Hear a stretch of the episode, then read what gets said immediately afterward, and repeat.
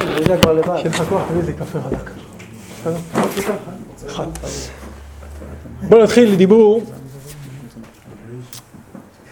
שכוון אותנו קצת לעניין הזה עכשיו שאנחנו נמצאים בו. חנוכה. כל חג וכל מועד יש לו את האור שלו המיוחד. ויש עניין גדול מאוד לחיות עם המועדים. זאת אומרת שלפעמים אדם אה, קל לו להתחבר למשהו כללי שהוא תמיד נכון ולא כל כך להיות מחובר למועד המסוים הזה. זאת אומרת, אה, זה שגרה כזאת, שאני זורם השגרה, מה שאני רגיל, מה שבטוח. אבל המועדים, תמיד זה שבירה של שגרה. אז יש מי שחוגג על שבירת שגרה, אבל יש כאלה שדווקא נמנעים, לא, לא כוכבים שבירת שגרה. זה, כי זה מוציא אותי, אני, אני מה שאני רגיל אני עושה. אני, מה שאני רגיל אני עושה, אל תוציא אותי עכשיו מהפוקוס, מה שאני רגיל לעשות, מה שאני רגיל לחיות. צדיקים מדברים על זה שיש עניין גדול מאוד שאדם יחיה, יהיה מועדים. זאת אומרת, להיות מחובר למה שקורה. לא רק כדי לצאת ידי חובה, אלא בעיקר כדי להיות מחובר כל פעם עם הסוג חיות וניגון ודיבור שמתאים לזמן הזה, המיוחד הזה. לכן חשוב מאוד ללמוד על המועדים לפני ותוך כדי, כמו שאנחנו יודעים שככה דורשים עוד קודם לכן כבר בהלכות החג, אבל לא רק בהלכות החג, גם בהליכות החג, זאת אומרת גם בהלך רוח של החג צריכים לדרוש לפני כן וגם בשעת מעשה. אחד הכלים הכי טובים להתחבר ביחד, אה, להגיע לנקודה הזאת של אותו חג, זה להתאסף ביחד. אנשים ביחד מתאספים ואז כל אחד מקבל את הנקודה של חבר שלו, ומתוך ההתאספות המשותפת יש הרבה יותר יכולת לקבל, למזוג ביחד לתוך, כל אחד לקנה הנפש שלו, את האור המיוחד שירגיש שינוי, ירגיש שיש את האור של החג הזה. רבנו יש לו שיחה בשיחות הר"ן, שהוא אומר, בכל הזמנים האלה, הוא מזכיר חנוכה, פורים ועוד זמנים, איני כמו בשאר, כמו בשאר הזמנים. זה כזה, אתה יודע, ברור זה לא אותו דבר, אבל רבנו שם מזכיר דווקא בכוונה, אומר, כל הזמנים האלה אני משהו אחר לגמרי. זה אותו צדיק שאמר על עצמו שהוא לא נושם בלי להתחדש, ושאין לו יום בלי התחדשות. אבל אתה מבין שגם אצל אדם שהחיים שלו, השגרה שלו זה התחדשות, יש לו עניין כזה שמתי שמגיע זמנים מיוחדים כמו חנוכה פורים, הוא לא נותן לזה לעבור, וכל פעם נהיה עניין אחר. אנחנו צריכים לחשוף ולהשתוקק שהזמנים האלה כמו חנוכה, במיוחד חנוכה, יהיו מסומנים אצלנו כזמן שהיה לנו, קרה לנו שינוי באותו זמן. שינוי, ממש שינוי בנפש, זה לא חייב להיות דווקא שאנחנו נוכל להגדיר איזה סדר חדש התחלנו, או איזשהו משהו חדש קרה לי, אלא באמת בנפש עצמה צריך להיות לכל אדם את השאיפה שהחנוכה יביא לי משהו חדש, הבנה חדשה. כמו שאדם היה פעם איזה אירוע מיוחד, ואותו אירוע חקק בו רושם כזה גדול, שהוא זוכר החיים שלי כמו לפני אותו אירוע ואחרי, זה שני דברים שונים. אנשים אומרים, החיים שלי מחולקים לפני האירוע הזה ואחרי האירוע הזה. זה המטרה האמיתית של החגים, בעיקרה, שאתה תדע, החיים שלי זה לפני חנוכה ואחרי חנוכה. זה לפעמים קצת מייאש כזה, כן, מכירים את זה כבר, בסדר, הדרשנים כולם אומרים את זה, בסדר. אנחנו מכירים, חנוכה יעבור, ותמיד אנחנו נשרוף את הפתילות, נשתדל לזכור לשרוף, לא לשרוף את זה בשפת חמץ, וזה יעבור, ואנחנו מכירים מה מגיע אחרי, יש טבת, ויש לנו נסיעה, יש לנו נסיעה אחרי, ואחר כך יש לנו ט"ו בשבט, ויש לנו אחר כך אה, פורים, ושוב פעם פסח. אבל לכמה אנחנו מאמינים שבאמת אפשר, ואפשר לזכות שהחנוכה הזה יהיה נקודה של שינוי. כל האדם, כל מה שהאדם הוא אדם, זה בזכות שינויים. זה כל מה שעושה את האדם בן אדם, שאתה לא עציץ, זה בזכות שאתה משתנה. זה כל מה שאדם הוא אדם. וככל שהשינויים הם שינויים מכוונים, כלומר שינויים שאני מחפש אותם, ואני שמח בהם, ולא רק שהשתניתי בגלל שהזדקנתי, או שהשתניתי בגלל שקרה לי משהו, אז זה עושה אותך בן אדם אמיתי בעולם, אדם שחי בעולם הזה. אנחנו נדבר עוד מעט יותר באריכות קצת, הנושא העיקרי שאני רוצה לגעת בו, נקודה של חינוך, עבודת השם, לא חינוך ילדים, חינוך עצמי, ו... אבל לפני כן צריך להבין שעיקר מה שמכיל, אדם ניכר אצלו, שהוא, שהוא אדם שמתחנך, אדם שמתחדש, אדם ש... שקורא לו זה השינויים, השינויים הטובים. אז לא דווקא שינויים חיצוניים שאני יכול לסמן אם נהיית יותר בן אדם, אלא בעיקר השינויים, ודאי שזה ישפיע חיצונית, זה שינוי פנימי שאדם פתאום מסתכל קצת אחרת על דברים, חושב קצת אחרת על דברים. זה שינויים מינוריים כביכול והם הכי עוצמתיים, זה שינויים דקים. שכלפי חוץ אולי לא כולם רואים אותם. לא השתנית, הלבוש לא השתנה, ואתה לא נראה אחרת. לא כולם רואים מה קרה לך. עשית דיאטה, השתנית, אף אחד לא, דווקא לא, לא כולם ברחוב עוצרים אותך, שואלים אותך מה קרה חדש. השינויים האלה שכל הרחוב עוצר אותך, שואל אותך מה קרה חדש, בדרך כלל זה יש לזה פג תוקף מהיר מאוד. בדרך כלל אתה משתנה, ואחר כך אומר לך, מה קרה? לא, זה לא בשבילי כבר, אני עברתי את הדיאטה הזאת, אני הולך עכשיו משהו אחר. אותו דבר, חידוש חיצוני, אדם קונה רכב חדש, עובר דירה. השינויים האמיתיים באמת הכי חשובים, זה שינוי שאדם יודע מיני ובי, כמה הם, הוא באמת, בנפש זה, זה משהו חדש, זה עדין מאוד, במיוחד אנשים שעוסקים בהתמודדות יודעים להכיר את זה, שפתאום אתה מתחיל להרגיש אחרת את הבוקר שלך. פתאום החלק, ההתחלה של השמונה עשרה, השמונה עשרה שלך יש לה גוון אחר כזה, פתאום יש לך איזה נקודה של שפיות, סליחה, אבל יש לך איזה צליל של שפיות שנכנס לחיים שלך, של יישוב הדעת, כי לאדם יש הרבה צלילים אחרים שנכנסים לחיים שלו, הרבה צלילים של פחדים ושיגעונות, ויש לכל אחד מה שמצטרף לו בחיים כל מיני דברים, פתאום אתה שם לב שיש לך בחיים משהו חדש שהצטרף לך לחיים, וזו מחשבה חדשה, איזשהו שכל חדש. תדעו לכם שהצדיקים, החשיבו את הדברים האלה יותר מכל שינוי אחר. צדיקים לא חיפשו, צדיקים אמיתיים, שהחסידים שלהם השתנו חיצונית. אה יופי, ברוך השם, קיבלת על עצמך עכשיו להצמיח פאות, אני מקבל אותך. עכשיו אתה חסיד אמיתי שלי, שצמחת פאות. זה חשוב. אתה קיבלת על עצמך עכשיו אה, לבוש כזה או אחר. צדיקים שמו לב בעיקר, הם ראו את האדם לפי שינויים פנימיים שקורים אצלו. סיפור שסיפרתי בעבר, ואני מאוד אוהב את הסיפור הזה, רבי נתן, שהיה נוסע, תמיד המובהק של רבנו, היה נוסע לרבנו. גם בכלל, גם אחרי פטירתו. ומי שלמד תורה ל"ד, זה גם ייתן לו איזו הרגשה בנקודה של קשר עם הצדיק, הנקודה אחת משלושת הנקודות. אז היה נוסע, פעם אחת הוא נסע עם התלמיד שלו, ותוך כדי נסיעה התחיל לנסוע, וזה היה ככה לילה, והתחיל להיות לפנות בוקר, כמו שנוסעים לאומן, תמיד יש, אתה, תמיד אתה רואה את השמש עולה, השמש יורדת, שמש עולה, השמש יורדת, דרך השמשות שם, השבשק של בנתב"ג, אתה רואה את, את כל השינויים של עמוד השחר, אז מכירים את עמוד השחר, מתי יש הזדמנות לראות את עמוד השחר. בדרך המטוס אתה רואה את עמוד השחר, אז רואים את השמש מתחילה לעלות, ומגיע הזמן של תפילת שחרית, ורבי נתן תפילת שחרית אצלו זה כמו שצריך, והוא נעמד להתפלל. התלמיד שלו רואה שאפס, משהו שם לא הולך, זה קשה, כבד, בקושי, אתה אומר, זה בלי חיות, אתה אומר ככה, מתעקש כזה, מתעקש. ואז, פתאום הוא הגיע לאיפשהו בהוידו, בהתחלה של הוידו, יש לך כוח. ואז הוא התחיל פתאום לנגן את הניגון הזה. אשת חיים למי ימצא. אולי נגן את זה.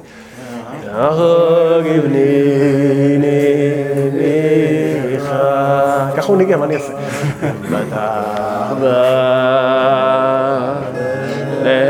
לבעלה ושאלה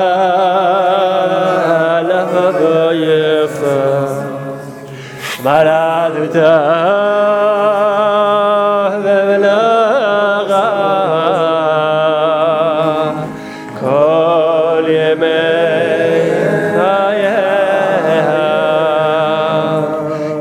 שעת באופי שתהי, ותז בחפץ גביה, הייתה כאוניית סוחר, ממך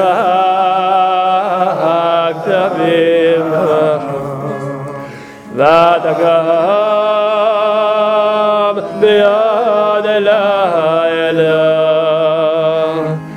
ותתדף ביתה וחויק לנגויסיה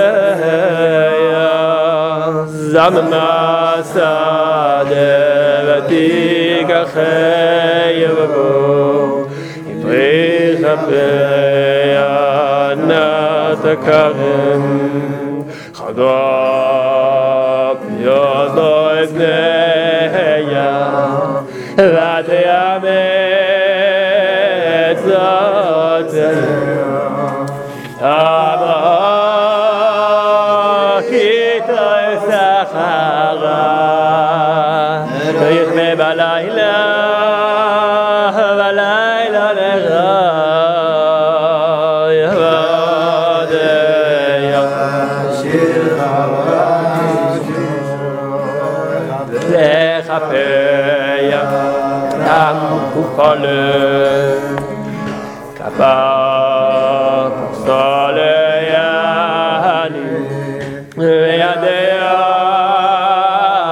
שילחה להם לא תירא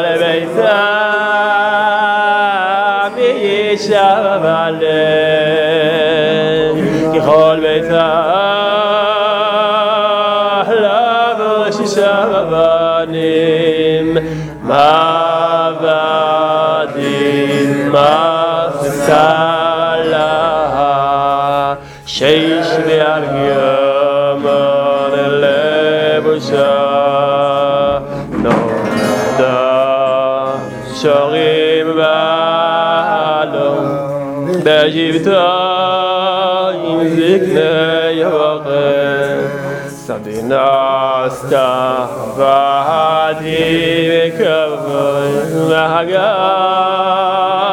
נתנה לגנני אוי ועדיין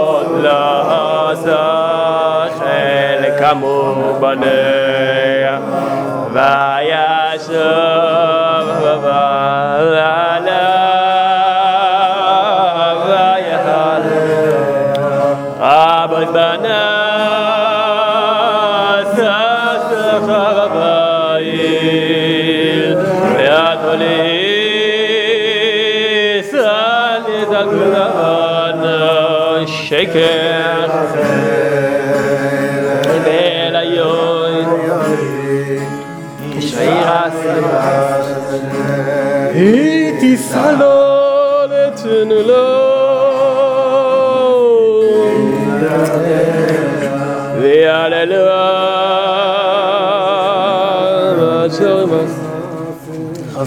לשבת? אז רבי נתן שר את זה בלי המילים, הוא רק שר את הניגון הזה, הוא ניגן את הניגון הזה, הלביש את זה על מילות התפילה. ולאט לאט, ככל שהוא ניגן את זה יותר ויותר, היה נראה שמתאושש. עד שהוא חזר לעצמו, והתחיל להתפלל עם כל החיות האופיינית של רבי נתן, עם כל ההתלהבות. עד כדי כך הוא מספר לתלמיד, שהוא היה כל כך בהתלהבות, שפשוט ה... הם עברו דרך כפרים ודרך מקומות של מרעה, והתחילו ללכת, ללכת אחרי, אחרי העגלה, התחילו ללכת כל מיני כבשים ופרות, התחילו ללכת אחרי העגלה, אחרי הניגון של העגלה. וככל, בגלל שהפרות התחילו, הפרות הבשן התחילו ללכת אחרי העגלה, אז הילדים, השקוצים, התחילו לרוץ גם אחרי הפרות. השקוצים רצו, אז האיכרות רצו אחרי הילדים שלהם. ואז כולם רצו, אז אומר שהיה שם ממש מראה, מחזה כזה של התקללות הבריאה, של הדומם, צומח, חי ומדבר, כולו רודף אחרי העגלה. עד שהוא הגיע ל-18, הוא עצר את העגלה, התלמיד, ואז הוא הוריד אותו מהעגלה שיעמוד 18, הוא התפלל 18 אחרי התפילה, אז הוא שאל אותו, רבי, תגיד לי, מה, מה קרה פה? מה היה ההתרחשות המוזרה הזאת, שהכל כזה, כזה פלאי כזה, בהתחלה בכזה חוסר חיות, ופתאום אתה מתהפך לכזה חיות, שכל הבריאה ממש נכללת בתפילה שלך. אז אמר רבי נתן בבהאי לישנא, כל פעם שנוסע לרבי, אני, הוא שואל אותי, אחרי פטירתו, הרבי שואל אותי, נו נתן, מה חדש? מה חדש? מה חדש? כולם שואלים מה חדש, מה חדש? תגיד לי איפה אתה רוצה חדשות חוץ, חדשות פנים, אתה רוצה כלכלה, באיזה תחום אתה רוצה, פוליטי, איזה, באיזה היבט חדש?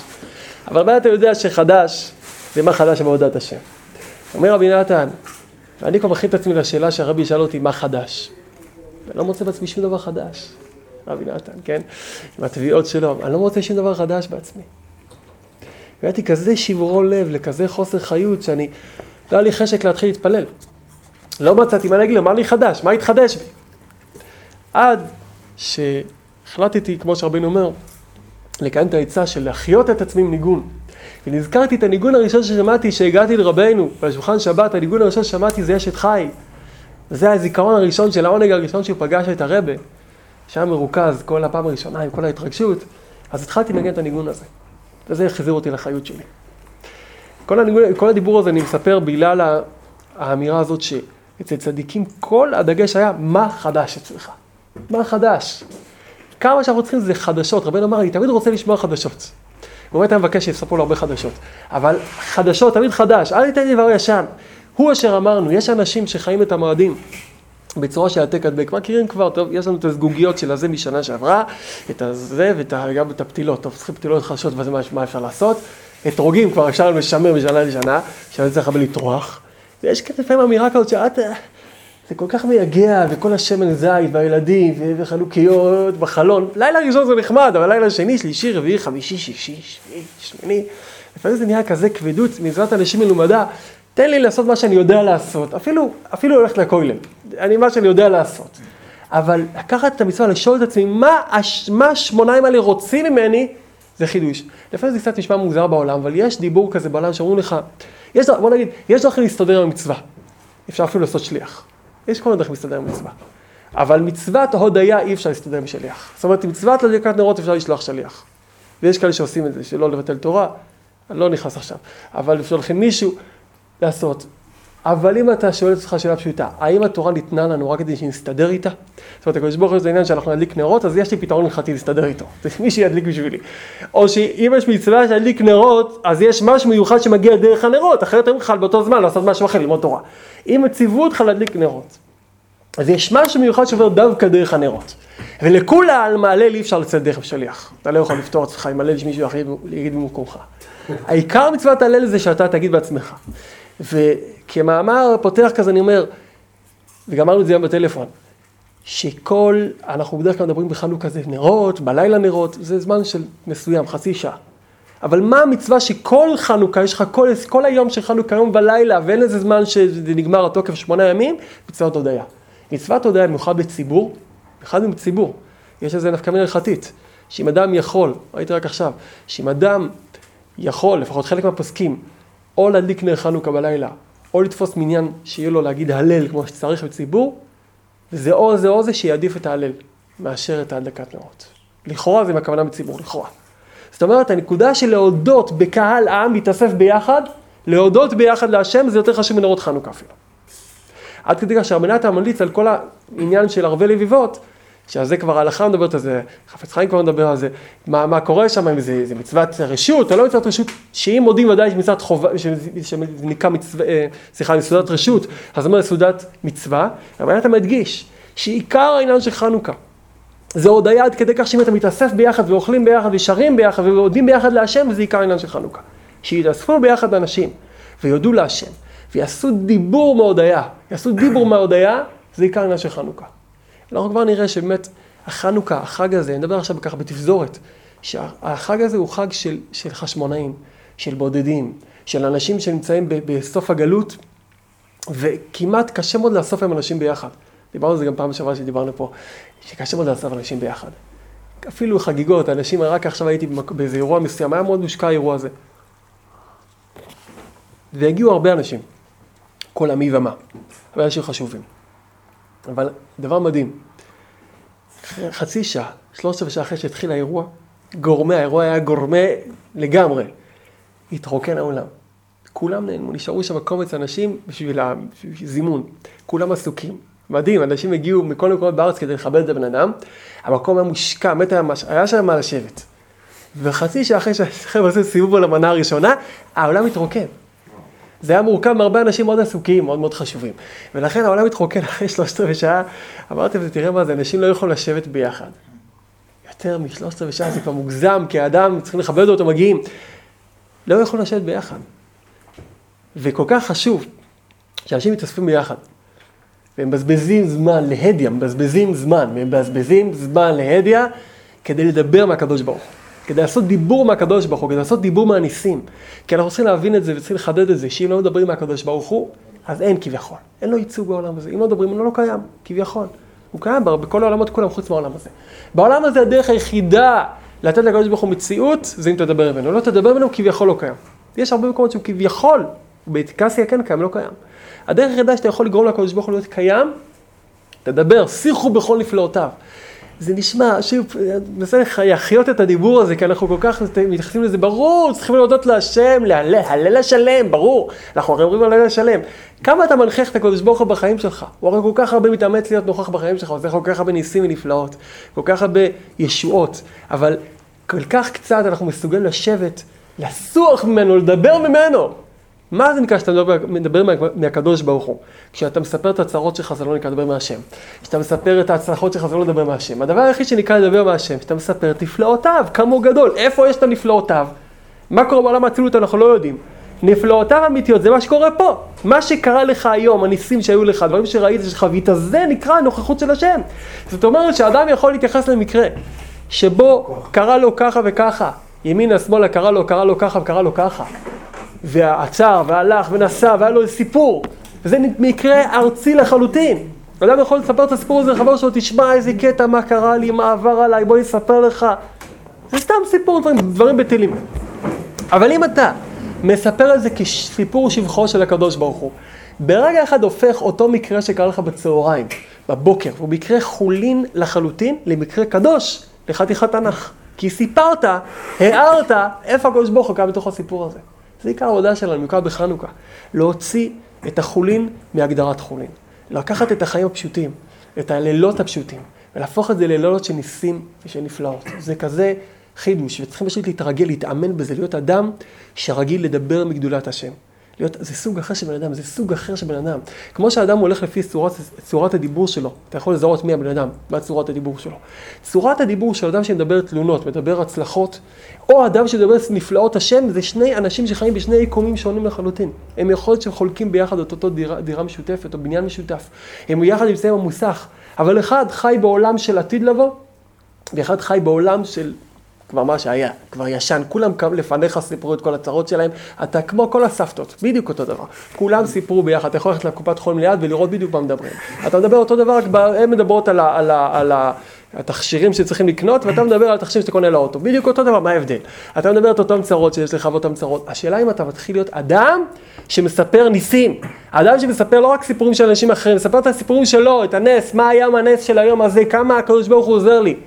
ועוד נקודה אחת שהתנוצץ להיום, וזה מאוד חזק בחנוכה, צריך להתחנך בזה, לשנות גם את סגנון הדיבור בנקודה של מה שאנחנו רגילים להגיד, לא מצליח לי, לא הולך לי בעבודת השם, אני מצב אנוש, גם לפני הקדוש ברוך הוא אני צדיק כזה, לא הולך לי אף פעם, לא, לא מצליח לי, בואו נשאל, לא מצליח לי, אני עדיין כמה אני רחוק ממך, כאילו מעתיק בנקודת תפילות, אה, כמה אני לא מצליח, כמה אני רחוק, זה לא הכוונה.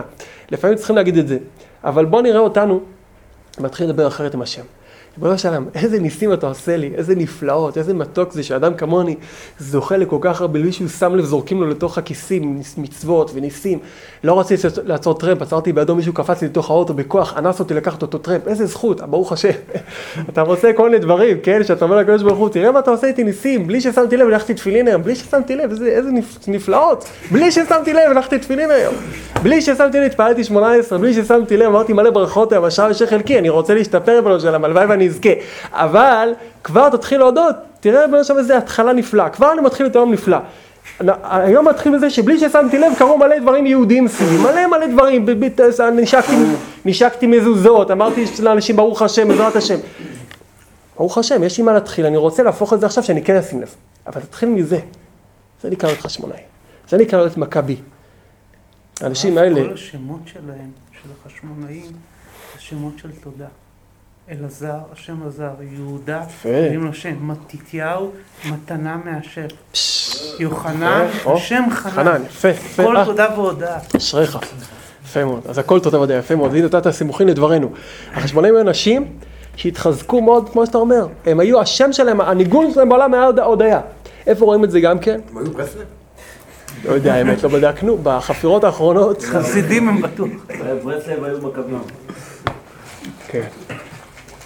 אמ, מה שנוצץ לי, כמו שאמרתי, זה שהחשמונאים האלה, מי שעוקב אחרי סיפורי המלחמות שלהם, אני אגיד את זה בקצרה, דיברנו על זה גם כבר, רואה שהניצחון העיקרי שהיה, הלל זה אה, כתוצאה מדיבורנו, אז אנחנו מדייקים את הדברים, היו טקטיקות צבאיות נפלאות אצל המכבים, וכמובן בספר המכבים, אבל מה שמדהים שם לראות דבר כזה, כוח פיזי לא היה תורם כלום מול 50 אלף חיילים של סדיר של היוונים.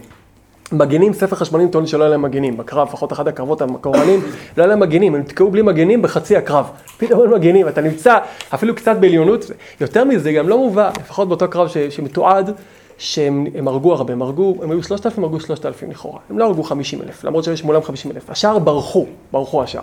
זאת אומרת, שהמכבים עצמם מצד גבורה פיזית, הם לא, הם לא, הם לא עשו דברים שהם בתכלס גבורה, כי הם לא יכלו להרוג יותר ממה שהם, הם, הם לחמו סכין על סכין, הם לא יכלו לח, להרוג, אתמול דיברתי על זה עם קבוצה של בחורים, אז אמרנו על זה, תחשבו רגע לעצמכם. זה לא שאתה לוקח נשק, עומד באיזה מקום וקוצר, או פצצה ולא רואה, וכל אחד, ש... כל אחד שהרג, הרג מישהו עם חרב, דאעש, הרג מישהו עם החרב, תחשוב רק על זה שעכשיו הוא טראומה, הוא צדיק, הוא אף פעם לא נגע באף אחד, לא הרג אף פעם בן אדם, והוא הרג עם חרב. אגב, צדיקים מדברים על זה שהם כולם היו כהנים, הם לא, הם לא הפסידו את הכהונה שלהם. למה? כי זה היה בניסים הכל. כי לפי הפשט, הוא הרג כל כך הרבה אנשים, דוד המלך בגלל שהוא הרג, הוא לא קיבל, הוא לא יכול לבנות בית המקדש. כהנים, איך הם לא נטמעו מזה? אז יש על זה הרבה סימוכים צדיקים, צדיקי החסידות טוענים שלכן רואים שזה הכל ניסי מאוד. כי לכאורה אתם כהנים, איפה בכלל? יכול להיות שלכן היה להם איזו מיומנות עם העניין של הסכינים. אבל בכל אופן, תחשבו על זה שאחרי לילה שלהם של קרב, שהם הורגים בקושי, כל אחד יכול להרוג אחד. ככה היה שם. בסוף הלילה הם הגיעו לקראת מערכה חדשה. לא נרחיב, היה שם עוד סיפור כזה, מערכה חדשה. ומה הם עשו? יהודה המכבי הלא. כזה סייעתא דשמיא עצומה, שהוא עשה מהלך כזה. שאמר להם, חבר'ה, אף אחד לא לוקח שלל, אנחנו שורפים את המחנה ועומדים כאילו לקרב חדש. עומדים כאילו לקרב חדש. הם הסתדרו בצורה שקרבית. ואז הקבוצה שבאה ללחום איתם, שמדובר על אלפי חיילים, רואים מההרים, היה להם עליונות, הם הגיעו מההרים, הם רואים למטה את החבר'ה עומדים. מחנה בוער באש, הם לא יודעים שכל המחנה ברח משם, 47 אלף איש, לפחות ברחו החוצה, לא נשרפו. ויהודה המכבים, עם כל השלושת אלפים חבר'ה שלו, מוכנים לקרב חדש. כמה חבר'ה? היו שלושת אלפים איש. מול, מול 70 אלף איש. מה זה 12 שם? לא, הם היו עצמם, אבל היו אנשים שהתלכדו, חסידים שהתלכדו איתו בערים, אנשים שברחו פרושים, שברחו מהערים ורצו לשמור את היהדות. אז הם היו שלושת אלפים איש בערך, שעמדו בעמדת קרב. המחנה הזה ראה את אותם, אומרת, מה, הם משוגעים לגמרי, חיל האלה שם של קרבות, עומדים לקרב חדש, המחנה בוער באש, המצב גמור, הם ברחו, הם לא רצו להתעסק עם המשוגעים האלה. הם ברחו, החבר'ה האלה מסוגלים למלחמה, אבל למעשה לא היה להם מגינים, הם לא היו מסוגלים להילחם יותר. אחרי לילה שלם שאתה ער והולך לילה שלם, זאת אומרת לפעמים כל מה שדורשים ממך זה לעמוד לקרב. אל תילחם, תעמוד לקרב. זו עצה נפלאה, דיברנו על זה פעם, ואני אומר, צריך לחדש את העצה הזאת. לפעמים האדם עצמו, אין לי כוח מול העץ הרע שלי. אני גמור, אני מת לגמרי, לא מסוגל. זה גמור, זה נגמר הבטריה. צפצוף אחרון, הבטריה מגמגמת, אתה לא יכול להילחם יותר. אז הוא אומר לך, תשמע, אתה לא צריך להילחם, אם נגמר הבטריה, סימן שלא יהיה לך ניסיון. אבל אתה יכול לפחות לעמוד כאילו אתה הולך להילחם. תעשה כאילו, תעמוד, תסדר את החבר'ה שלך לקרב, תגיד, אני הולך עד טיפת דמי האחרונה להילחם. אדם, זה משל שאני מאוד אוהב, אומר, לקראת מייריב. נזכר אחרי, באחד בלילה, לא התפלל מייריב, הוא רקד בשבע חתונות היום בלילה, והוא עייף, עייף, עייף, עייף, עייף, זהו. עכשיו אני לא יכול להתפלל מייריב. הוא אומר, אני לא יכול. אתה לא יכול בסדר, אתה יכול לעמוד כאילו אתה הולך להתפלל מייריב, תעמוד, תעשה כאילו צורה קרבית, תעשה גרטל ככה עם הגרטל, כאילו אתה הולך להתפלל כמו שצריך. מה אכפת לך שלא לך כוח? ורק בשביל זה צריך לקנות גרטל, רק בשביל העניין הזה. שיעזור את מותניו, בגבורה, חוגר, אתה הולך עכשיו לקראת קרב. מה יהיה אחר כך אני לא יודע. אני מצדי יכול להעמד תפילה. קריאת שמע של המיטה. הרבה אנשים מתחילים אותה וגומרים אותה לעתיד לבוא. לא מצליחים, לא, לא, אף פעם לא זוכר את ההמשך שלה. זה מתחבר לו עם כל מיני חלומות קסומים. באמצע הלילה לפעמים ככה נזכר שוב פעם, אפס, איפה אחזתי.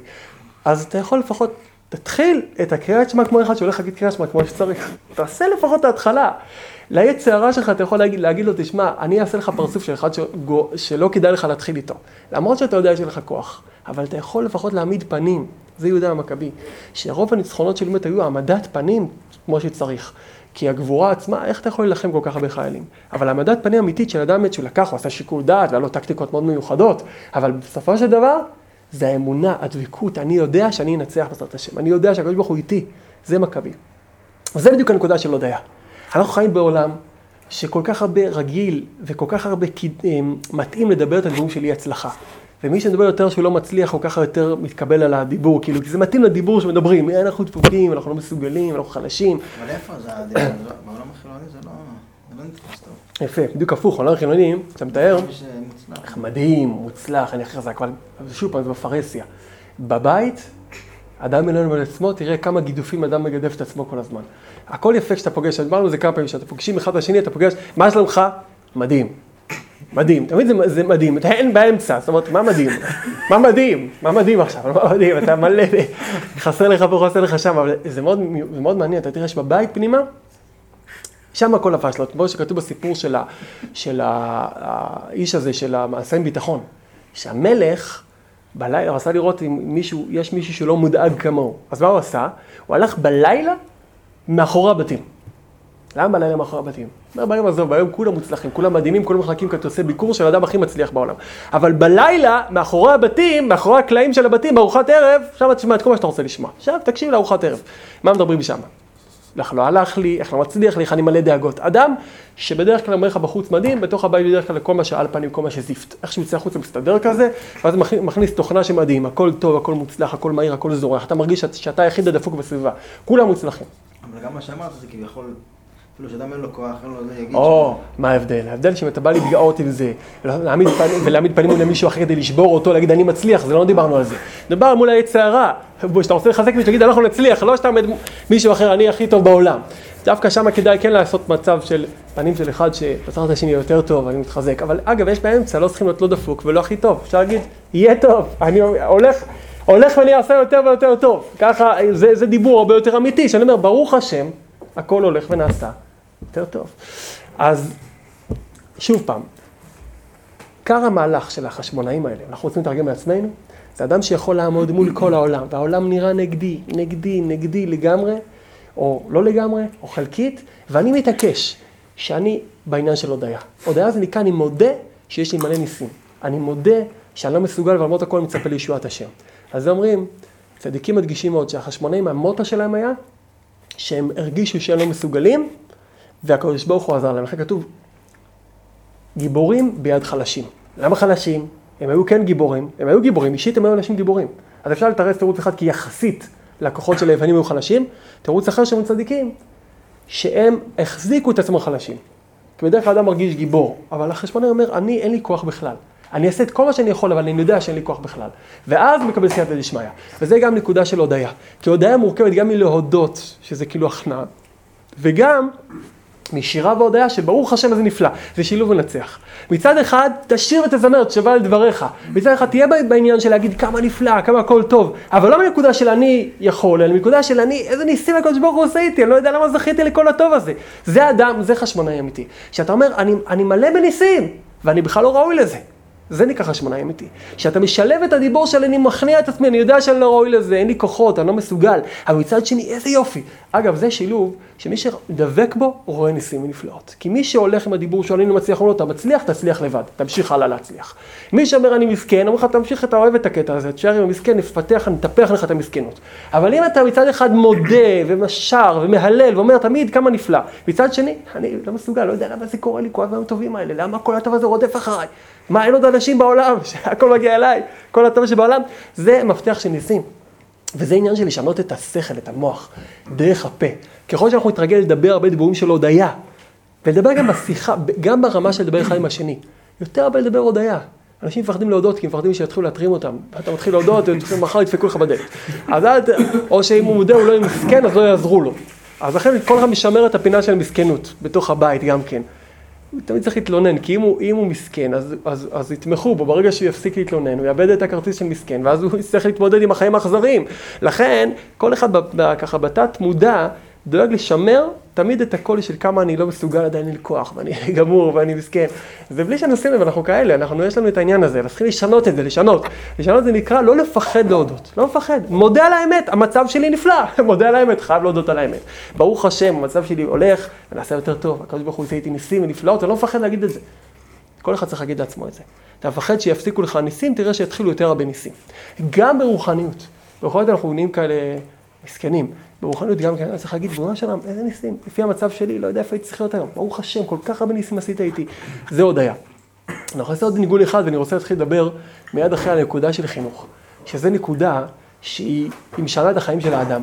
אנחנו גם כוספים על העניין הזה, יש לנו איזה געגוע להשיג איזה עניין, אה, להגיע לאיזה משהו בעתיד הקרוב, בעניין הזה, אבל, אבל חנוכה זה חג שכל אחד צריך להתחיל לפתח ולטפח בקרבו ציפייה, כמו שאמרנו, לשינוי, והעיקר השינוי זה שאני אכנס למסלול בחיים שלי, שבו אני כל יום, בעזרת השם, ילך וישתפר, לא דווקא שחיצונית, אני אהיה יותר ויותר ככה מבריק, אלא ילך וישתפר כי אני אלך וידייק, וילך ויראה איך הקדוש ברוך הוא יותר איתי, ואיך אני יותר שם לב לדברים, ואיך יותר ויותר אני מצליח להנכיח בחיים שלי דברים שלמדתי, וזה סוג של חיים אמיתיים.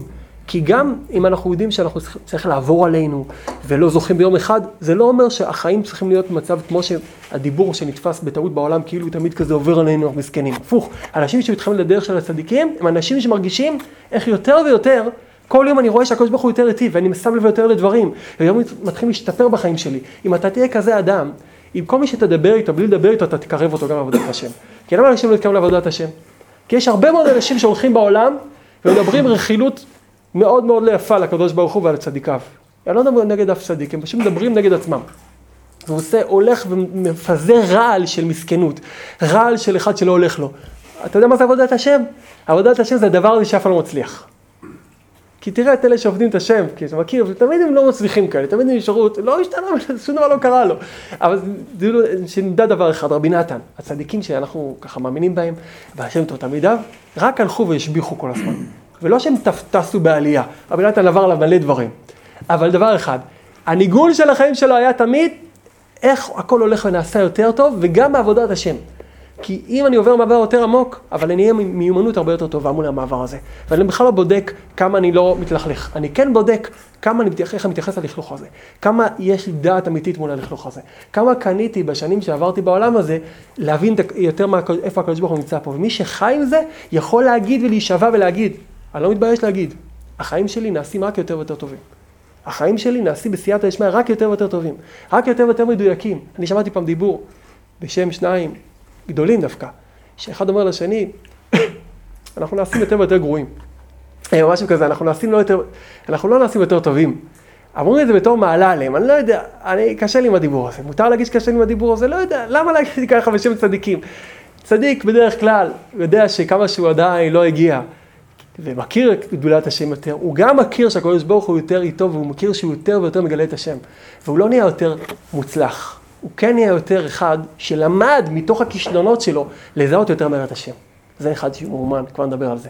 איזה ניגון אנחנו מנגנים עכשיו? אגב, יש לי רק חיזוק לדבריך, שכאילו העניין של המכבים, זה בדיוק היה שתי הנקודות האלה, מי כמוך בעניין השם, זה העניין של כל הזמן לשבח ולהודות את השם על דברים, וגם העניין של מזכיר קצת את הברגר ואני, שכאילו, שאחרי שאתה מצליח, באמת מקשר את ההצלחה של הניצחונות שלך. יפה. מהשם, כאילו, זה לא מכוחי, זה בדיוק הנקודה שלהם, כאילו, להזכיר לעצמם כל הזמן את המכבים, זה הכל השם.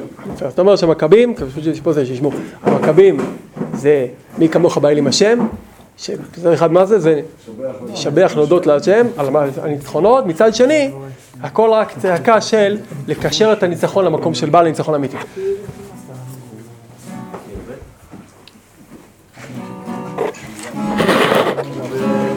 כאן, מרובע?